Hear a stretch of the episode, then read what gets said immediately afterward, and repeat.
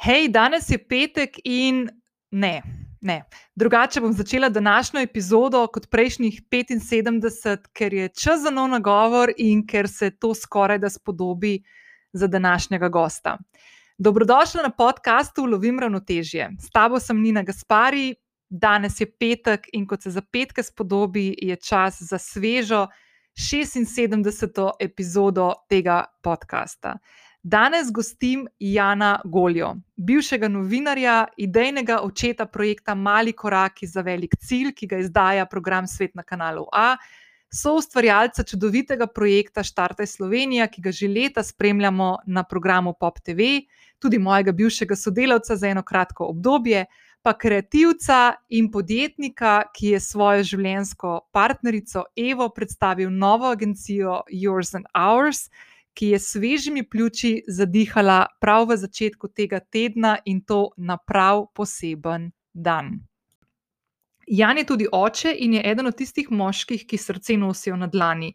Že nekajkrat sem govorila v tem podkastu o pomenu ranljivosti kot naše največje notranje moči, in danes, verjetno, ga ni bilo pogovora do zdaj in vsebine na tem podkastu, ki se ne bi bolj konkretno dotaknil te teme. In Jan je krasno razložil svoj pogled na svet, svoje razumevanje sebe v tem svetu, in mislim, da je tako nadčudovita ta zgodba. Še ena stvar. Jan je tudi eden od tistih ljudi, ki so dodali zelo pomemben del v mozaik tega, da sem pred skoraj letom in pol začela oddajati ta podcast. Več o tem ti bomo zaupala v današnjem pogovoru. Uh, lahko pa povem še za eno stvar, tako uvodno, da sem Jana spoznala prek Twitterja. Leta nazaj, ne spomnim se točno katerega dneva ali pa katerega leta, enostavno smo se takoj ujela in verjetno boš v tem pogovoru kmalo ugotovila, kako enostavno se je včasih pogovarjati s kakšnimi ljudmi, ki so ti dragi, tudi če vmes se nisi slišal več kot eno leto, kot se je nama z Janom zgodilo v zadnjem podivjanem korona letu. Uh, tudi o tem smo danes pregovorili iskreno, govorili smo tudi o izzivih podjetnikov, s katerimi se soočamo zadnje leto in sicer. Kakšne poslovne in tudi življenjske nauke smo ujeli v teh norih mesecih, in kako nam pomagajo še danes. In čisto na koncu mi je iz Jana uspelo privabiti še eno zgodbo, ki mi jo je pred leti povedal, ko smo se nekaj srečali, In sem bila že takrat blazno fauš, zdaj sem pa še bolj, kam je še bolj razložil detajle. In lahko povem, da v njej nastopa tudi Oskarjevec Jared Leto. Tako da se splača, da današnjo epizodo in pogovor z Janom poslušaš do konca. Če še nisi prijavljena na podcast Lovim ravnotežje, to lahko storiš zdaj prek aplikacije, na kateri trenutno poslušaš to epizodo. Vesela sem tudi ocen in mnen, ki mi jih pustiš na podcast aplikaciji ali pa se mi oglasiš v zasebno sporočilo. Najraje vidim, da to narediš na Instagramu, kjer se ti bom lahko najhitreje oglasila nazaj in ti vrnila odgovor. S prijavo oddajo ocene in mnenja na aplikaciji, prek katere poslušaš ta podcast, pomagaš, da zanj slišijo tudi tebi podobne ženske in moški. In tudi tokrat lahko v opisu spodaj najdeš povezavo do zapisa epizode, kjer te čakajo vse povezave, ki sem jih danes omenila v tej epizodi in pri katerih lahko Jana, njegovo zgodbo Yours and Ours, spremljaš tudi v prihodnje. Zdaj pa, Jan, izvoli, dobrodošel na podkastu Lovim ravnotežje. Ja, noč ne, Jan, živijo, čau. Ne, čau bom rekla po primorsko. čau, Nina, po primorsko, čau. Okay, jaz sem ful vesela, da smo se ujeli, tako ful na hitro smo se zmenili, da se bova slišala na podcast. Ful sem vesela, da te lahko vidim, ker te po mojem nisem videla več kot eno leto. In... Toliko že ne. Po mojem, ti bom povedala, kdaj smo se na zadnje videla. Na zadnje smo se videla 9. decembra 2019, na dan, ko sem jaz podcast lansirala, ko si prišel mi čestitati na uno zabavico. Na release party. Na release party. In, kar takoj vsem povem, da si bil ti v bistvu eden od ljudi v zakulisju, ki mi je pomagal lansirati podcast. Uh, s tem, da si mi uh, po, povedal, kje datum je fajn, pa bo do tega še prišla. Aha, okay. Hvala, datum, ta, ki si mi ga ti rekel, da ga moram zvrati. Pa, v bistvu tako, pa stal si mi tako ob strani, veš, tako v tem smislu, da nekdo, ki ga ful spoštujem, Pa tako ful si bil excited uh, in sem rekel, tako, ok, kul, cool, kul, cool, ful dobr, ful dobr. Uh, tako no, ful, ful mi veliko pomeni. Pa ti si eden od unih ljudi, ki, um, ki po mojem, ne vem, smo se zdaj le nekaj časa nismo slišali, ampak lahko začneva debato čist kjerkoli. Ja, to je res tako poseben, poseben, poseben energy je med nami. Ja. Ampak zdaj si mi takrat, ko si rekla, da boš štartala podcast, da, rekel, da smo ti stali ob strani, da sem jaz eden izmed tistih. Ampak veš, ko nekdo nekaj s takim entuzijazmom, s takim uh, neko otroško uh, igrivostjo reče, da bo nekaj naredil, da si to želi, da to čuti, da mora narediti, da bo štartal.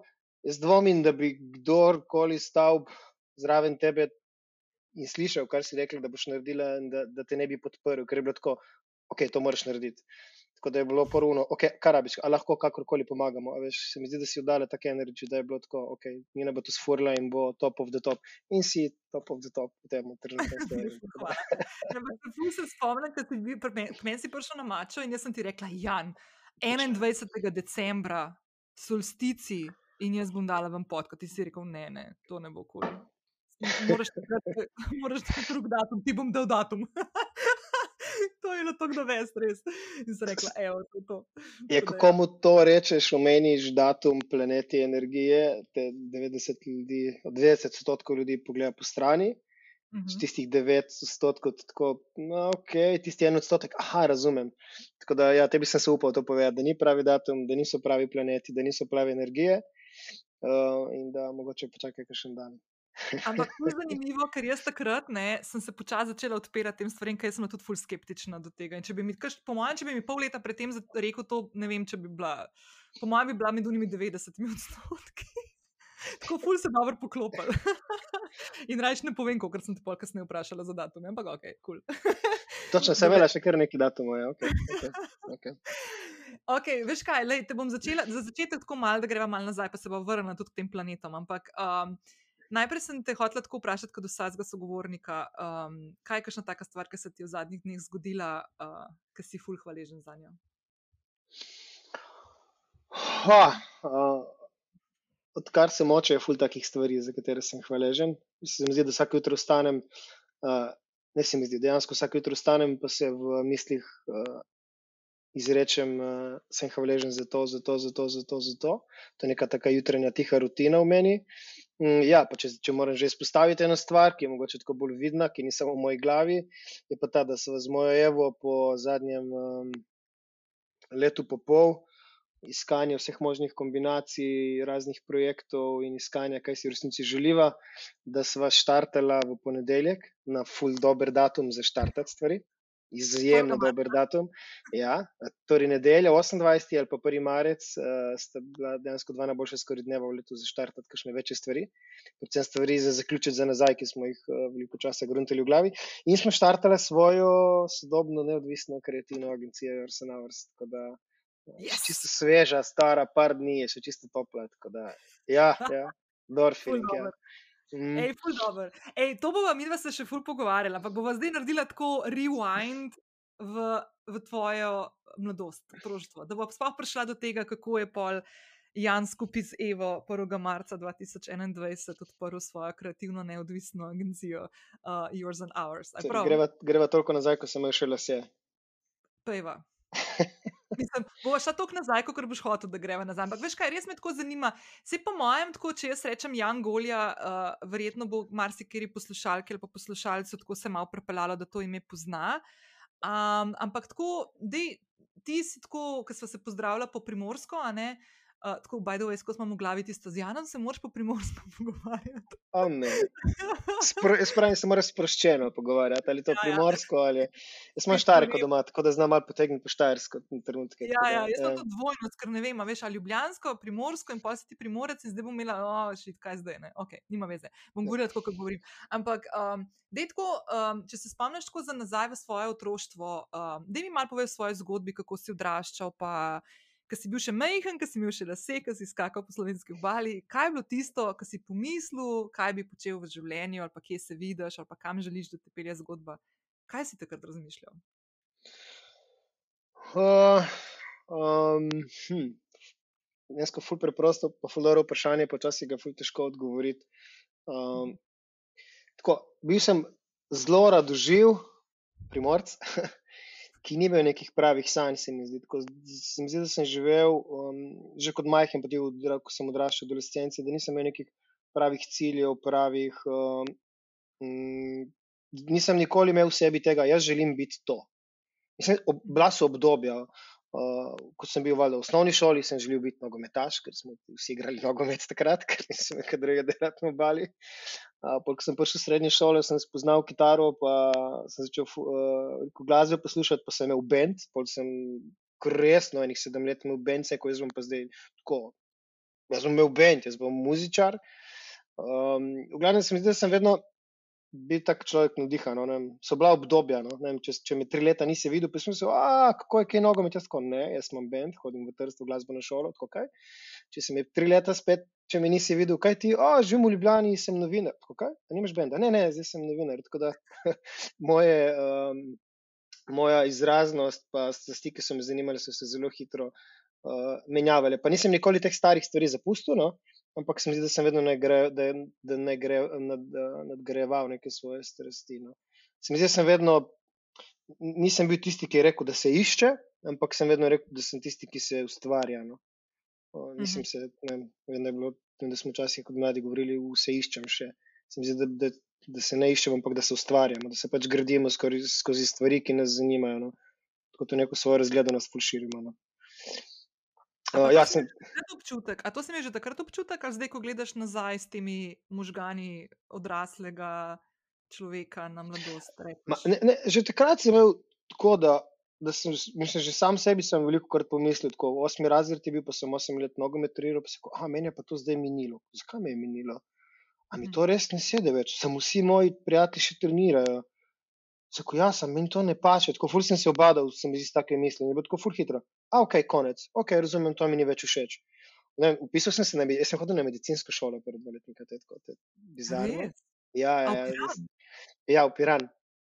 Ja, in sem, ful, me čisto to dogajalo. Bom, vedno sem imel ta, vedno sem imel neko željo v sebi, neko, da pač moram pomagati ljudem, da moram imeti stik z ljudmi. In spomnim konc drugega letnika, tako, ok, se meni to več ne veseli mislim, da sem se v desetih minutah odločil, hej, mama, tata, jaz pa bom, ne bom hodil več na medicinsko, bom se prepisal na ekonomsko, ker mislim, da me to ful bolj veseli. Oziroma, ne vem, če me, ampak se mi zdi, da je ful boljše za future, za naprej, ker z medicinsko ne bom nič. Itak šok. Jaz sem se odločil, flipnil, oh, vedno sem full svoji intuiciji sledil, no, kot, kot otrok. In sem naredil full dobro poteze. Sem tam full enih novih stvari, se naučil zvedu do pravih nekih dobrih prijateljev, prvič in se mi zdi, da se full lepo razvijalo naprej. Ne. Tako sem full skočil v odločitve, tako sem začutil, se pomiril, pomislil, ok, grem naprej. Vada sem se spraševal, a ti mal preveč skačeš v stvareh, pa še full, full malenkosti je še bilo, no, ampak se mi zdi, da, ja, da je to tako moj karakter. Ja. Ja. Ok, in pa si šel na ekonomsko srednjo in pol? In takrat se, takrat se je glasba začela. Takrat se je začela glasba, no, kitara, bend, zaklenišča, muziko, pisanje. Vse veš, pol tisti mal safr, furaš, pa fuj. Jaz sem, pisal sem, jaz sem bil dejansko pevec, tako da to marsikdo ne ve. No. Sem wow. vse let imel bend in sem pevec, sem hodil tudi v Trste, neko privat, uh, nek, ko si ne vem kaj, neko privat konzervatorij, ne vem kaj, za vokal, pa za kitaro in, in sem čisto odpadel. No, skratka, In uh, če zdaj skrajšam, da ne bo to ful dolgo, sem imel full let band in pol smo dejansko bili nek fullenih natečajev zmagali tle v Ljubljani in smo bili enkrat nek festival, um, smo bili povabljeni in smo imeli, to je bilo že ne sedmo ali osmo leto benda, oziroma zadnjo skoraj leto, in smo imeli v Grusuplju nek festival in smo ena urednica, takrat je bil še E plus na kanalu A, ekstra, nekaj takega. Ja, no, ja no. A ni to vodila tudi Katarina Časniki? Ne, ena, kaj že bila, ena, jo, ne spomnim se, bile, ne spomnim se, kdo je vodil, prvo ne spomnim se, kdo je vodil. V glavnem, mi smo bili to vdajo povabljeni. In jaz sem tam eno urednico spoznal in smo se ful zaštekali, in potem smo ful še parkrat žurali. In čisto slučajno je na enem Gmail toku, e, jaz imam dovolj te obale, uh, ti delaš tam, a imaš kaj zame. Tako, flip. Ej, rabimo, jaz sem takrat fulš fotografiral, po fuljenih grafik delal uh, takrat in rekel, ja, rabimo enega grafika, ali smo novo dajo, zaštartili svet na kanalu A. Ško, pridem, kdaj? Sko jutri. In isto doma spet, ko, ej, jaz grem že v Ljubljano, tako kaj?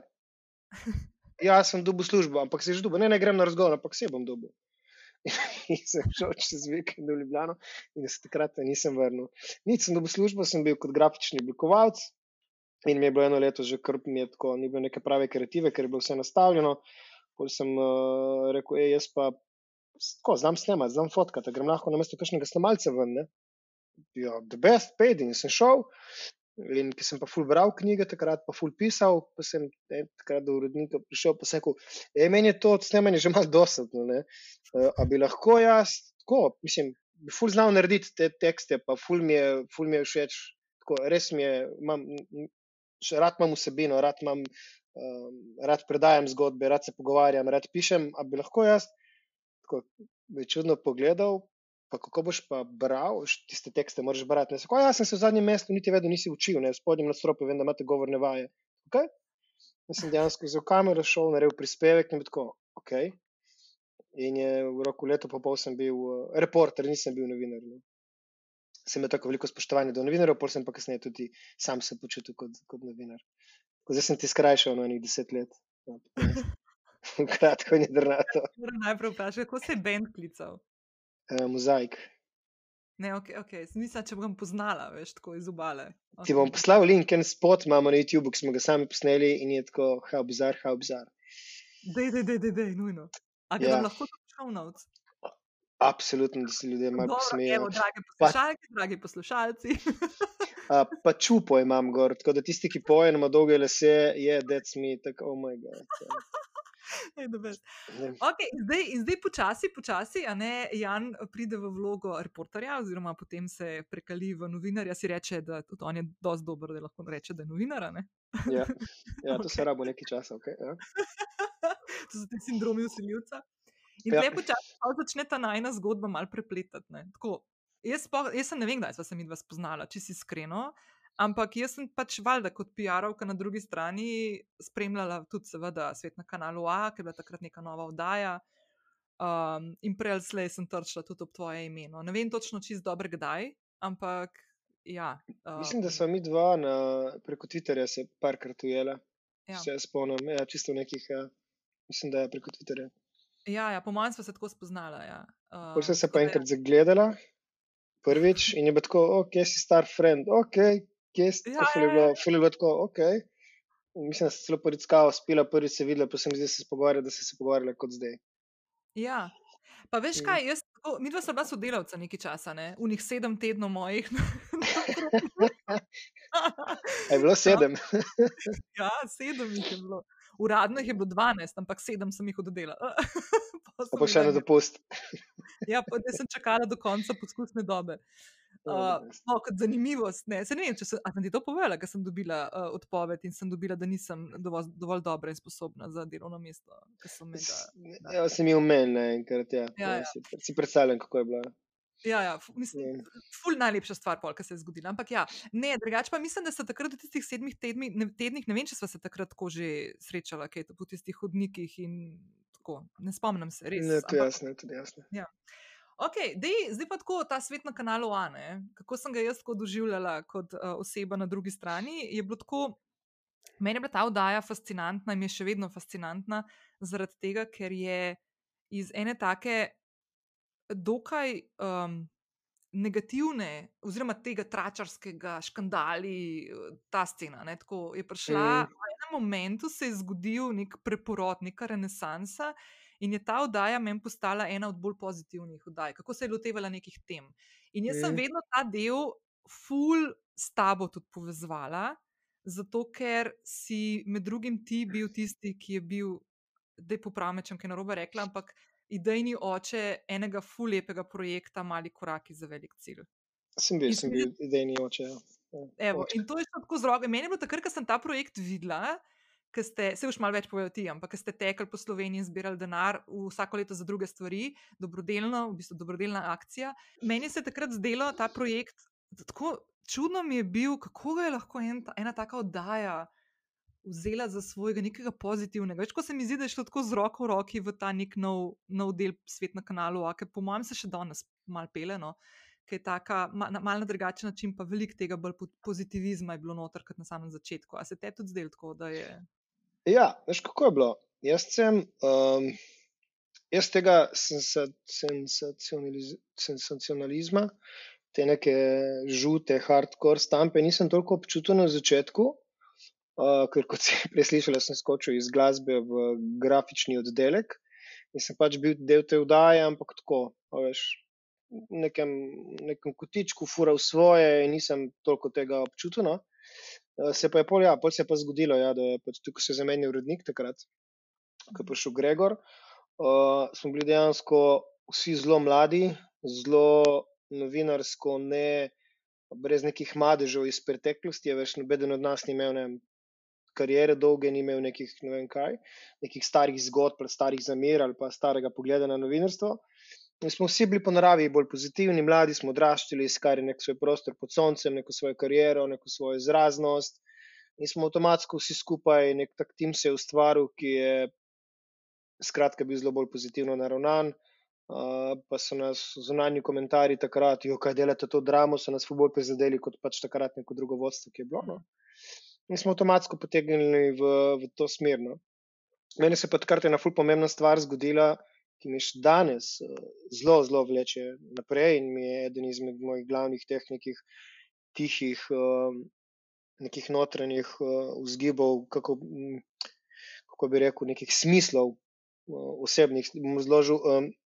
Takrat, ko bi še prvi, ta star novinar, no, ta, ta star ta urednik, ta prvi, je bila zgodba taka, da sem jaz ten tak prispevek naredil, mogoče sem imel slab dan, sem slabo spal, sem bil mal površen, nisem dovolj vsebine upeljal. In drugi jutro me je posedel in rekel: Poglej, včeraj te je gledalo 350 tisoč ljudi in ti si naredil slab prispevek. In mi je ful dal misliti, sem se spomnil nas, ko sem bil majhen kot otrok, ko sem delal na kavču in sem gledal poročilo starši in sem dejansko vse, kar so povedali po televiziji, sem jaz verjel. In takrat sem ugotovil, kolikšna velika moč je v posamezniku, ki dela na nekem takem mediju in kako ljudi dejansko meni lahko sliši, vidi, in kakšen zgled sem lahko, kako lahko izobrazujem, kako lahko postanem nekomu zgled, kako lahko dejansko smeriš družbo v neko smer. In mi je takrat to čisto, ki je pa v želodcu, ok, zdaj imaš veliko odgovornost, zdaj nisi kar nekdo, ki ima šalte med poklici, ampak nekdo, ki pač. Ki dela na mediju, ki ima ful veliko moč, in imaš ti veliko moč, in se tega moraš zavedati, in to moraš izkoristiti. In takrat sem jaz začel ful delati socialne um, zgodbe, ker me je to vedno ful zanimalo uh, sem v lepi v družini odraščal, v ljubeči, ampak ko sem bil tam, tam da ga prvega razreda, smo v nekem takem majhnem pomanjkanju živeli, verjetno ne takšen, kot sem ga jaz doživljal, no? ampak tako vedno sem imel nek občutek za socialno šibke. No? In takrat sem jaz zelo, takrat to nihče ni delal teh zgodb, ni jih želel delati, ker, ker so bile težke za delati. In jaz sem se noro našel v tem in mi je bilo tako, ok, jaz bom to fural in sem imel noro ene energije. In tako so tu nastali mali koraki za velik cilj. To ni bilo nobena marketinška, nobena strateška, nič to ni bila nobena strategija, nič, se bo tako, ok, lahko to naredimo. Zgodilo se je pa tako zelo preprosto. Do ene družine sem prišel po izjavo, um, uh, te backup story je full dobro o teh planetih, ki bo verjetno kaj uh, spregovorila. Točno po to izjavo sem šel tej gospe, kakšni so planeti, kakšna je luna, kaj se nam bo zgodilo. In ta gospa je rekla, ko smo končali izjavo, to je Gaja Asta, to je ena mojih najljubših Aha. ljudi. Ja, je rekla, Uh, mi pa gradimo šole za otroke z Danovim sindromom, za našo hišo. Noben ne gradi šole z, mislim, na lastno pest. In dejansko so gradili ta prvi celostni center za otroke z Danovim sindromom in so zbirali sredstva, in meni je takrat sem poklikalo.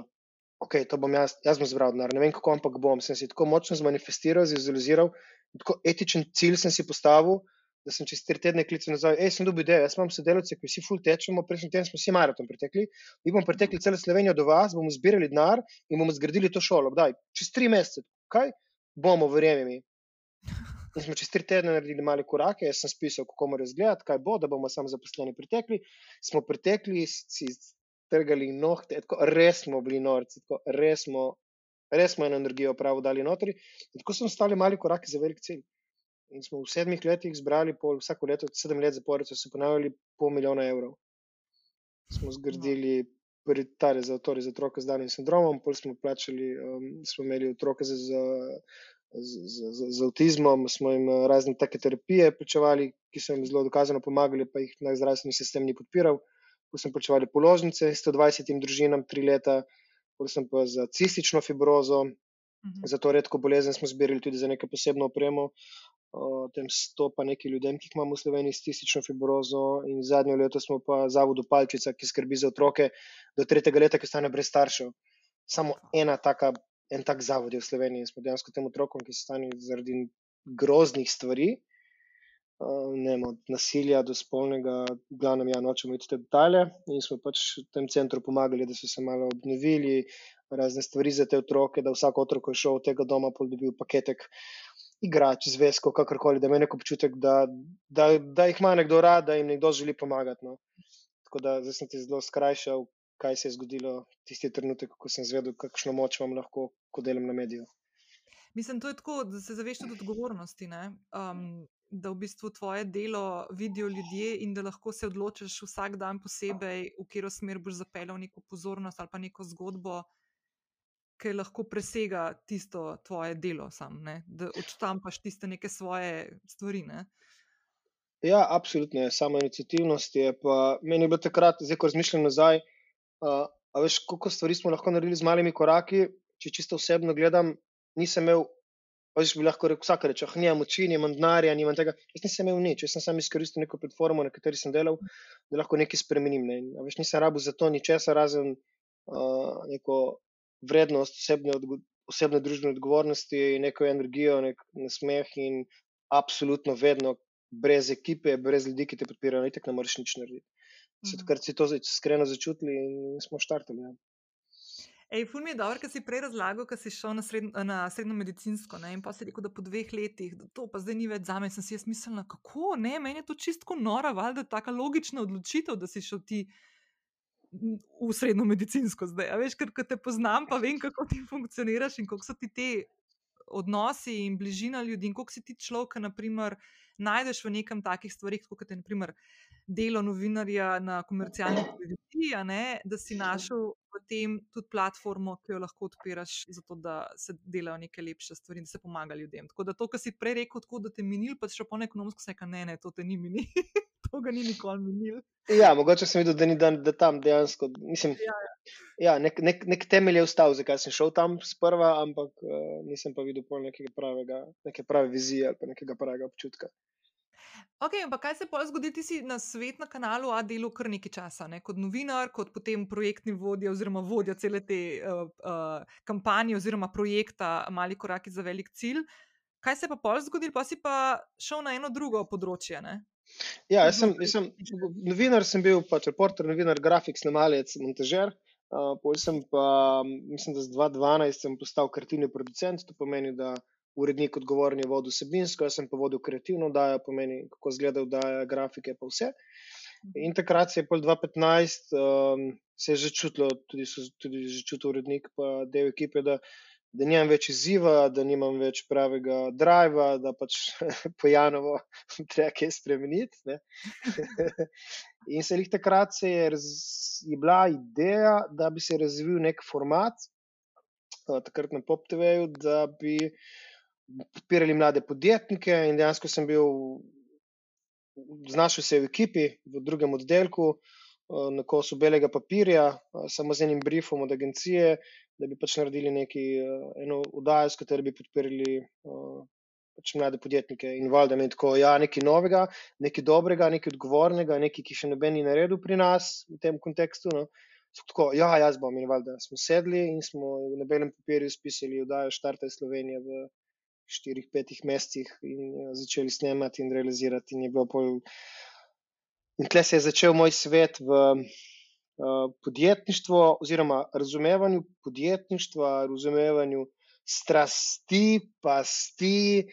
Uh, tako veliko enih stvari, no, in sem čisto na odpadu. No. Me pa je kreativa, ne, ki pač paše v to, me pa je že vedno zanimalo. Mene se vedno hecali, ne pa sem bil edini novinar, ki je hodil na sof.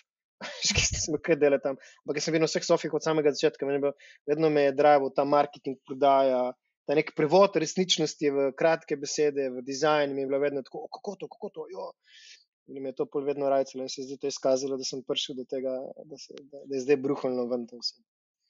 No, da povem za tiste, ki morda ne veste, Sofija je slovenski oglaševalski festival, ki se enkrat na leto odvija in na katerem se v bistvu ta srednja marketinška, komunikacijska, prodajna, ki med drugim ustvarja naprimer oglase, ki jih potem gledate na televizijskih kanalih, kot je naprimer PopTel pa kanal A, tam srečujejo, dobivajo nagrade za svoje idejne koncepte ali pa za kakšne vdaje, kot je Štarte Slovenije in tako naprej.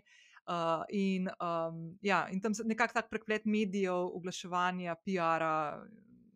Vsega, vsega živega. Ja, tak, ja. kreativnega ja. ustvarjanja na področju teh nekih medijskih um, vsebin, rečemo temu. No. Ja. Tako da, ja, Ja, točno, ja, ti shodi tako. To je že kar tako malo, da greš, naprimer, ko, dobro, se takrat nisi bil več v vlogi novinarja, ampak da bi tako kot v vlogi novinarja hodil na takih stvari, že kar tako malo. ne, ne, ne, šel sem na free, nisem šel v vlogi, tako, šel ja, ja, sem ja. se, med fajn, se veš, da je dobro žurke. ok, in pa se je zgodila um, še ena stvar, ki sem ti mal spisala, nek tako kvir um, za pogovor, sem eno stvar noter pozabila napisati. Je pa to ena zadeva, ki sem jaz lansko leto kar nekajkrat vzela v roke, v času, ko smo bili zaprti v svoje stanovanje. Zdaj pa ne vem, ali je to, uh, se veš, kaj govorim, ne? ena taka fizična stvar. No, a ta stvar zdaj pride tako noter uh, v tem neki tvoji življenjski časovnici, uh, ki si bil še na ProPlusu? Ja, ja, ja, to je še ProPlus, to je vse še ProPlus. Ja. No, um, Jan, je ta, Jan je tam, ki si se premaknil v kreativni del, si spoznal tudi Evo. Ja. Okay. Ja. Eva, tvoja življenjska partnerka, mama ja. tvojega otroka. ja, sedela nasproti mene in sem bil pečen in tako, ok, kaj pa zdaj to. Ja. Načeloma ni, nisem na prvi pogled nikoli tripal na to, vedno sem tako, ampak sem bil kar malo tako, kar malo neprijetno mi je postalo, kako jo govoriti. Ja. Da, očitno sem jo, no. zdaj Arne je star dve leti, uh, pa spohnem, če sem že komu rekel, razen tebi po SMS-u. No je pač uh, na poti je drugi v petem mesecu. Čestitke. Uh, ja, uh, tako da ja. Dobro si, dobro si spedal, vidiš, v redu si naredil. ja, lepo sem spekel, dve bebice. Ja. no, in v glavnem, vidva z Evo sta potem, poleg tega, da sta delala skupaj v kreativnem oddelku na največji medijski komercialni hiši Pop Pro Plus. Uh, in ustvarjala vsebine, kreativne, ki jih gledalci tako radi gledamo, um, sta med drugim ustvarila še eno stvar zraven in to je bila knjiga. Slovenci v dnevnih sobah. Ja. No, zdaj pa to razumeš. Spet zelo preprosta um, zgodba, zelo intuitivna in zelo, ok, zdaj bomo to naredili. Um, pač kot novinar sem veliko ljudi spoznal, še sem imel še tako neko specifiko, da sem uh, um, večino terenov oddelal sam, meni sem šel tudi sam posnet, mi je bil to vedno nek poseben uh, drive, tudi če sem jaz na malno ekipo, mi je pasalo iti sam na teren, sem bil se mi zdi bolj dostopen ljudem, so bili bolj iskreni do mene, so se bolj odprli. In ko so pa šli v hiše ljudi, uh, še posebej kot primorski, je zelo zgovoren, pa se zadrži eno uro preveč in pol vedno zamujaš s prispevkom dnevnim. No. Okay. Uh, sem tako veliko ljudi spoznal, ki so mi bili zelo na vdih, ampak to so bili zelo preprosti ljudje, neznani ljudje. Uh, in vedno, pač po nekem pogovoru, ko sem se odpravil, se rekel, wow, kako ste pa vi zanimivi, ne? Že kakšno življenjsko zgodbo imate. Ne? In so se vedno rekli, oh, jaz pa nisem zanimiv. Ne? Kot vsak zase si misli, ah, jaz pa nisem zanimiv. Ne? In ti neki odhodi od teh domov, teh posameznikov, so me vedno pustili nek tak priokus pisma, kako te ljudi, kako tem ljudem dati vrednost, oziroma vsakemu posamezniku, neznanemu, dati vrednost. In potem se mi je enkrat kar poklopilo, kaj pa če bi jaz, in tako vsak ima več o sebi, jaz bi pa enkrat spisal knjigo, ki ste zdi to full face. Ne? In se rekel, kaj pa če bi jaz to spravil v knjigo. No? To sem enkrat tebi rekel na glas in me tako pogledala, če kdo, lahko ti. In me v pravem trenutku na pravi način spodbudila, sem se sedel in se že opisal knjigo Slovenci Denisova. In tako so nastale zgodbe, mislim, 19 zgodbe notri, plus ena moja. O večinoma neznanih slovencih, o njihovih strahovih, željah, poteh, razmišljenih, uh, tako dober projekt. Spet eden izmed teh uh, malenkost družbeno odgovornih. No. Sem želel, da vsak prepozna vrednost, svojo vrednost skozi zgodbe, skozi vrednosti uh, zgodbe drugih posameznikov. No. To je tisto, ki hodiš po svetu, pa si vedno nekako v vlogi um, učitelja, pa tudi učenca. Se pravi, da tako znaš prepoznati v vsakem človeku, da ima neko tako stvar, katere, ali zgodbo, ali misel, ali kakšno izkušnjo, ki ti jo deli s tabo in se iz katere se lahko tudi nekaj naučiš. Ne? Da nimaš te malo prepotentne drže, ki te imamo včasih, da zdaj pa mi živimo, zdaj pa ne rabimo več. Ampak okay. da znaš biti radoveden, da znaš imeti tune iskrce v očeh in da vidiš. Pa se po mojem tako Veš kaj, ti, če si kot, kot, kot novinar, ena stvar je to, da si bil kot novinar, druga stvar, da si pač radovedna oseba, ne? tudi konec koncev ti to prav pride pri stvarih, ki jih počneš. Niso čisto vsi ljudje taki, ti imaš mi zdi to, to že malo kratko mal dano v, v svoj DNK zapis. Ne? Verjetno, mislim, kot se je rekla, učitelj, učenec. Nikoli še nisem šel za učitelja, moram priznati. Uh, vedno se počutim, da sem učenec in tako upam, da bo tudi do konca. Mislim, vedno sem nekdo, ki že zelo zgodaj ve, da do smrti se bom učil in nikoli ne bom učitelj. No, učitelj prvič sem začutil, da sem učitelj lahko zdaj mojemu Arnetu. No. In je ful, tako iskreno učitelj, ne pa da ne malo pametujem, še sem pa nekaj prebral, pa zdaj vem, pa to je tako. Nisem tak tip. No, včasih sem verjetno bil, zdaj pač ne več. Uh, prvič sem začutil vlogo učitelja do Arneta. Torej, da moja osebnost se preslika na njega, moja razmišljanja, moja neka um, razgledanost. Tako da je kar big job, no? da se mhm. odločiš, da si učitelj. No? Na splošno tako življenju, pa ne, premalo vem, premalo sem osebno še dorasel, da bi bil. Rad povem svoje razmišljanja, no, jih pa ne usiljujem nikomor. No. Ampak jaz mislim, da tako vlogo učitelja se niti ne pripišeš sam sebi, ampak ti ga drug človek pripiše. Jaz lahko rečem, da se fulo tebe učim stvari. Tako da v nekih pogledih, v nekih točkah si ti premen moj učitelj. Naprimer, to mislim, ne da si zdaj ti rečeš, še sem pa zdaj. Ne, eh, ne razumem, s tvojih ust to fulo pozveni. Če sem tebe karkoli, da si kakršen koli daj nabili navdih od mene, karkoli mi to fulo pomeni. No. Ker jaz ga dobim fulkart od tebe. No še posebej v teh podcastih, ki včasih razstreš kakšne take stvari, tako, hm, pismo, vse je res, ful dobro. Tako da mi, mi to ful pomeni, ful sem hvaležen tega. Ja, hvala, ampak eh, v, v, v dvosmerno. Ja. To je ja. to, ker deliš svojo zgodbo in dejansko jo deliš. In če naleti na enemu človeku, ki je odprt za to, da, da, da sliši, da zaznava, da je rodoveden, pa lahko v nekem trenutku, brez da bi hotel ali pa vedel ali pa delal na tem, rataš tudi neka vloga nekega učitelja. Ne? Nisem, nikoli, nisem, nisem si, po mojem, upal tako pogledati, no? ker sem zdaj, da polk tako pomisliš, naše se jaz, sem popoln sebe, ampak si fulje po to obesedila. Tako da zdaj malo se bom imel mogoče za učitelja, pa bom rekel, da si vedno ti krijo za to.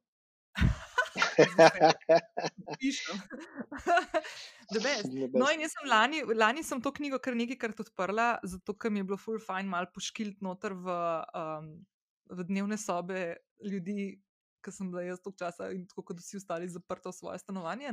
Mm. Fascinantno, če si neko tako novo dimenzijo je knjiga dobila spet.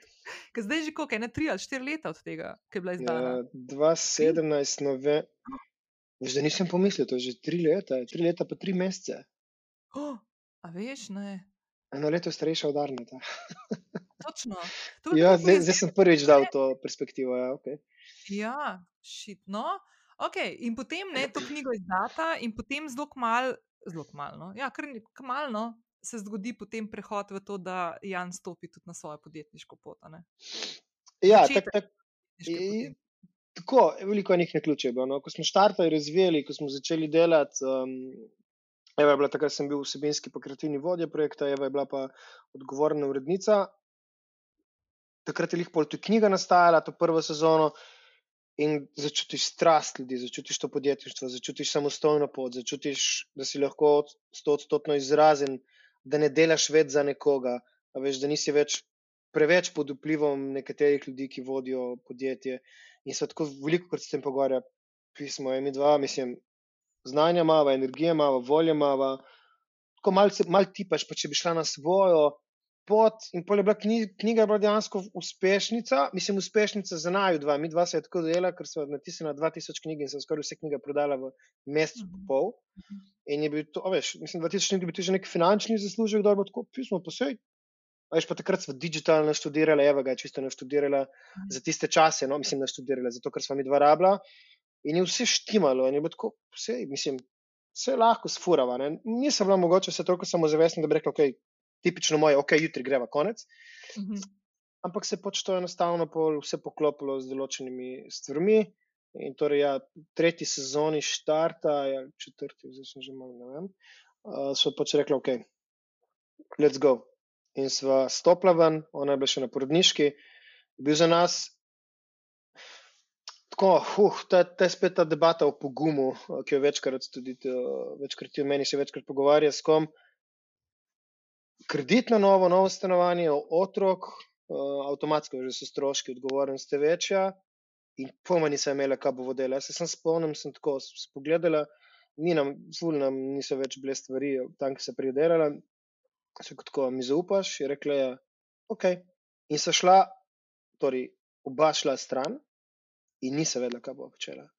Sam vedela sva, imela sva to nek občutek, da nam ne more se nič zelo omiti, ker imamo dovolj znanja. In ta občutek, ko imaš dovolj enega znanja, eh, pa neke odprte glave, da si se pripravljen učiti, v nekem obdobju tudi marsikaj delati, mogoče, ti ni najbolj všeč, da preživiš dobro, eh, je bil tak močen občutek, ki je rekel, ok, nama bo ratalo in sva šla. In je, ne pravim temu pogum, zdi se mi, lih to, tak oseben boj, če nekaj počneš, kar si reš, kar res čutiš, kar je iskreno, spravim, da ni to pogum, da slediš sebi, da je to kar neka najbolj naravna uh, stvar, ki jo lahko narediš. Čeprav zunanji ste to tako, vi dva ste pa pogumna, se veš, starši pa bližnji frendi, kako ko boste pa zdaj, pa kredit, pa to, kaj ne vem še, ampak vem, da bova. In je bila ta neka, spre, temu pravim, ko si v nekem svojem stebru, da mhm. verjameš, pač nič te ne more nič te ne more, ne, noben veter, ne, nobena stvar te ne more. In tako se je zgodil COVID, predstavljaš? Vsi projekti so odpadli čez noč, vse, mi dva se pet mesecev to gradili, tako to bomo zdaj zaštartali, vse, prek COVID in čez noč vse na nuli. In to je bil ultimativen test, test uh, koliko dejansko verjameš v sebe, koliko si se naučil skozi življenje biti potrpežljiv, močan v svoji osebnosti, pa. Mm, ne samo zavesten, ampak um, kako bi rekel, ja, lahko rečemo, no, samo zavesten v to. In, tak poseben trenutek je bil, no, nisem, nisem ga še nikoli delil, no, sem ležala v posli, Arne je spal, mi dva pa brez vseh projektov, tako še za neki mesec življenja, uh, ki so pač vse dala v stanovanje. In tako me pogleda, Eva, tako na desno in te kaj strah tako neiskren v tišini, v tišini vprašanje. Jaz sem bil skozi življenje veliko teh nekih strahov, sem ki sem jih mogel predelati in sem jih v tem obdobju ful predeloval. In sem prvič v življenju stotstotno iskreno do sebe rekel, niti malo. To. In, sem tako, in ko sem to rekel, sem se prvo tako, sem dobil solzne oči, se ko, veš, jaz prvič verjamem v življenju, da sem rekel, da me ni strah. Vedno, veliko krat življenje rečeš, ah, ni me strah, veš, igramo neke supermene, Batmane. In včasih, ker nisem bil toliko časa iskren, nisem dejansko teh strahov premagal, pol sem jih po nekem dobi premagal, vse kot ne, niti malo. In kaj bo, vse kot jutri, jutri se bo nekaj zgodilo. Kako? Jutri, jutri bo, verjamem, gremo spat. Sem se objela, lepo mirno zaspala, kot da ima na strani milijone, veš, nič, nihče nam nič ne more. In se zjutraj zbudim, imajo zajtrk. In tako me gleda še, bo vse kot ja, zdaj bo. Ampak tako, taka vera, taka manifestacija, taka stotna vera v nekaj, spore prišel klic za en full-door projekt, ki nam je rešil urit za šest mesecev. Tako, in bilo tako, in me pogleda, in tako, ker sem bil tako mali, tako si malo, tako, malo si prevzeten že tako, sem ti rekel. Ja, in je bilo noro, ne? ampak ja, je bil ta občutek te vire v sebe in vse, da se bo pač zgodilo. Ne? Itek so bili pol ups in downs, vmes pa stvari odpadale, pa delali, pa tako prilagajanje, ampak so sfurali, so sfurali, so sfurali in, in agencija zdaj živi, uradno, končno sicer je delala že full časa, mislim, jo mava, low profile že nekaj časa, ampak so želeli neki projektov nabrati, da lahko pač eh, štartajo ven, da, da nismo eni izmed tistih, ki zdaj se veš veliko teh agencij smo hoteli nam malenkost drugače zapakirati, no, da nismo ne vem, ko bi rekel, da mogoče je štart nekoliko bolj kredibilen na vse, kar se počelo do zdaj. No. Ej, ful dobro. Ej, bova šla to naprej, ampak zdaj sem hodila nekaj nazaj skočiti. Jaz sem si za letos, zdaj sem nekaj podaril. Tako in na good way. Jaz sem si za letošnje delo, leto dala besedo pogum. Okay, ne, v redu, v redu. Uh... Ampak mi je ful dobro, ker si zdaj, tako kot sem jaz prej tebe, malo s tem učiteljem, zdaj smo tako malo, da v bistvu, kaj enkrat najdeš A zdaj ti mu rečeš svoj zakaj, poslanstvo. Pa mogoče to samo zavest, v bistvu samo zaupanje pride s tem, ker ugotoviš, da po tej poti, ki hodim, ja, se bojo ups and downs, pa prepreke, pa to, ampak vse je kul. Cool. Moja pot je ta prava, je neka mirnost strata v tebi. In jaz, ki sem tudi cel življenje bila prestrašena vsega, ne, mi je bilo lansko leto, ko se je ta COVID zgodil, pa tudi jaz sem pa samo inicijativno skenslala projekte. Tri tedne prej, mislim, ne. A je točno, veš, še na, takrat sem bil na mači, ki si rekla, in pol se je zgodil COVID. Točno. Ja, no, jaz ta taka, ne, zdaj pa, zdaj pa jaz sem šla čez strah, ne, moram to narediti, končno. In v glavnem, in ja, ok, valjda je bil šok, ne, itak, bi se lagala, če, re, če bi rekla, da ne. Um, ampak, ker sem pa jaz tako v tiste tesnobne trenutke malo obvladala, tudi v tistih prvih dveh tednih, ki sta, sta bila ful naporna, jaz sem tako bila ful presenečena, sem tako ful mirna dejansko, ko sem jaz umirila tega svojega, to svojo vlogo žrtve, zakaj se to meni dogaja, zdaj pa glih sem pripravljena zateči po svoji poti. Uh, ker ta ego spustil, da to se ne dogaja meni, ampak je problem na svetovni, ne? sem imela ful mir vse. Škaj, ful mi je všeč, ker si to um, izpostavlja. Um, pač ja, ok, jaz verjamem v take stvari, ki včasih marsikdo čudno kdo pogleda, ampak mi dva se te ful, jaz ful verjamem v energije, v, v, v, v svoje misli. In ja, to je bil test, to je bil test za marsikoga od nas, ki je zadnjih let gradil na sebi, ki je pač, ker ni obstal na neki točki. Uh, in to je bil, jaz sem to dojel kot, a the best. Uh mhm. -huh. Ok, če sem hotel iti na svoje, sem vzel pravi timing. Jaz, jaz vedno pravim, da bi to pravi timing. Pa čeprav je bil tako v 24 urah, se nam je vse seslo, pa ne vem, če bo 24 ur. Uh, da je bil to odziv na našo manifestacijo. Ok, gremo na mhm. svoje, res, the best. Pa, pa to, kar si si začrtal, ni prava pot. Evo ti, ko, mislim, da je zdaj COVID, se zgodi zdaj tega, ampak je bil to nek še boljši test in še bolj ultimativen test. No. Jaz vem, da smo. Mi zdaj, osebno, jaz pa Eva, pa ekipa, ki jo gradimo, pa pač naše podjetje Yours and Ours, da je drugačno, da ima boljše temelje, da ima boljšo vizijo, čeprav ni še popolnoma skristalizirana, ravno zaradi tega obdobja, uh mhm. -huh. ker si, a veš, ker si um, hungry. Uh mhm. -huh. veš, če bi šla takrat, če bi vse sfurala, bi, bi lahko normalno furala bi se malenkost poležala, no? ne, bi, ne, bi, -huh. ne bi peljala to z enim drivom, ta pravim naprej kot zdaj, ja, veš, ki, res, ki si res to odstopen. No? Da, pa nikoli nisem, nikoli, takrat vem, da takrat je bilo nalažje reči, kot si prej rekla, ne, zakaj jaz, zakaj jaz, ne, vse si rečeš, kaj jaz, vse si rečeš v glavi. Ne? Sem pa ugotovil, da je to sam pač, da, da je že prav, da je tako, no? izkoristiš. Ja. Ja. Ej, kaj pa je tista stvar, mogoče, Um, če si kaj tako razmišljal, lansko leto, ki se je dogajala, oziroma se, se še vedno dogaja no, v tem času, zdaj, ko govoriva, ne, imamo še vedno, smo v in-deep uh, kriza, COVID kriza, ne, ampak kaj je kakšna taka stvar, to spoznanje, ki si jih zdaj že par umenil, ki sta potem jih vidva, naprimer, prenesla na Yours and Ours agencijo? Um, kako si želite delati v tej agenciji, Ka, kakšne zgodbe želite delati, kakšne, na kakšen način? To misliš? Tukaj, To misliš, da uh, s kakšnimi ljudmi želijo delati, ali kaj smo prenesli od COVID-a? Nisem te točno. Uh... Oboje, ne? a veš, tako, a si, sta, videla si že takrat začela graditi agencijo, ne? tako kot si rekel. Um, smo že delali na projekte. Ja, okay. ja, ja. Um, kaj, a, a veš, kaj, kaj je bila tista stvar, ki ste mogoče, ki ste postavili v nek center ali pa nek vrednostni sistem vajne agencije, bo tak, želiva se delati take in take projekte, neke meje ste si postavili, neke uh, želje po nekih, um, po, nekih projektih ali pa naročnikih, konsko, ali pa ljudeh, s katerimi želite delati, ki pridejo pride v agencijo kot neki zunani sodelavci ali pa potem kasneje kot neki potencijalni zaposleni.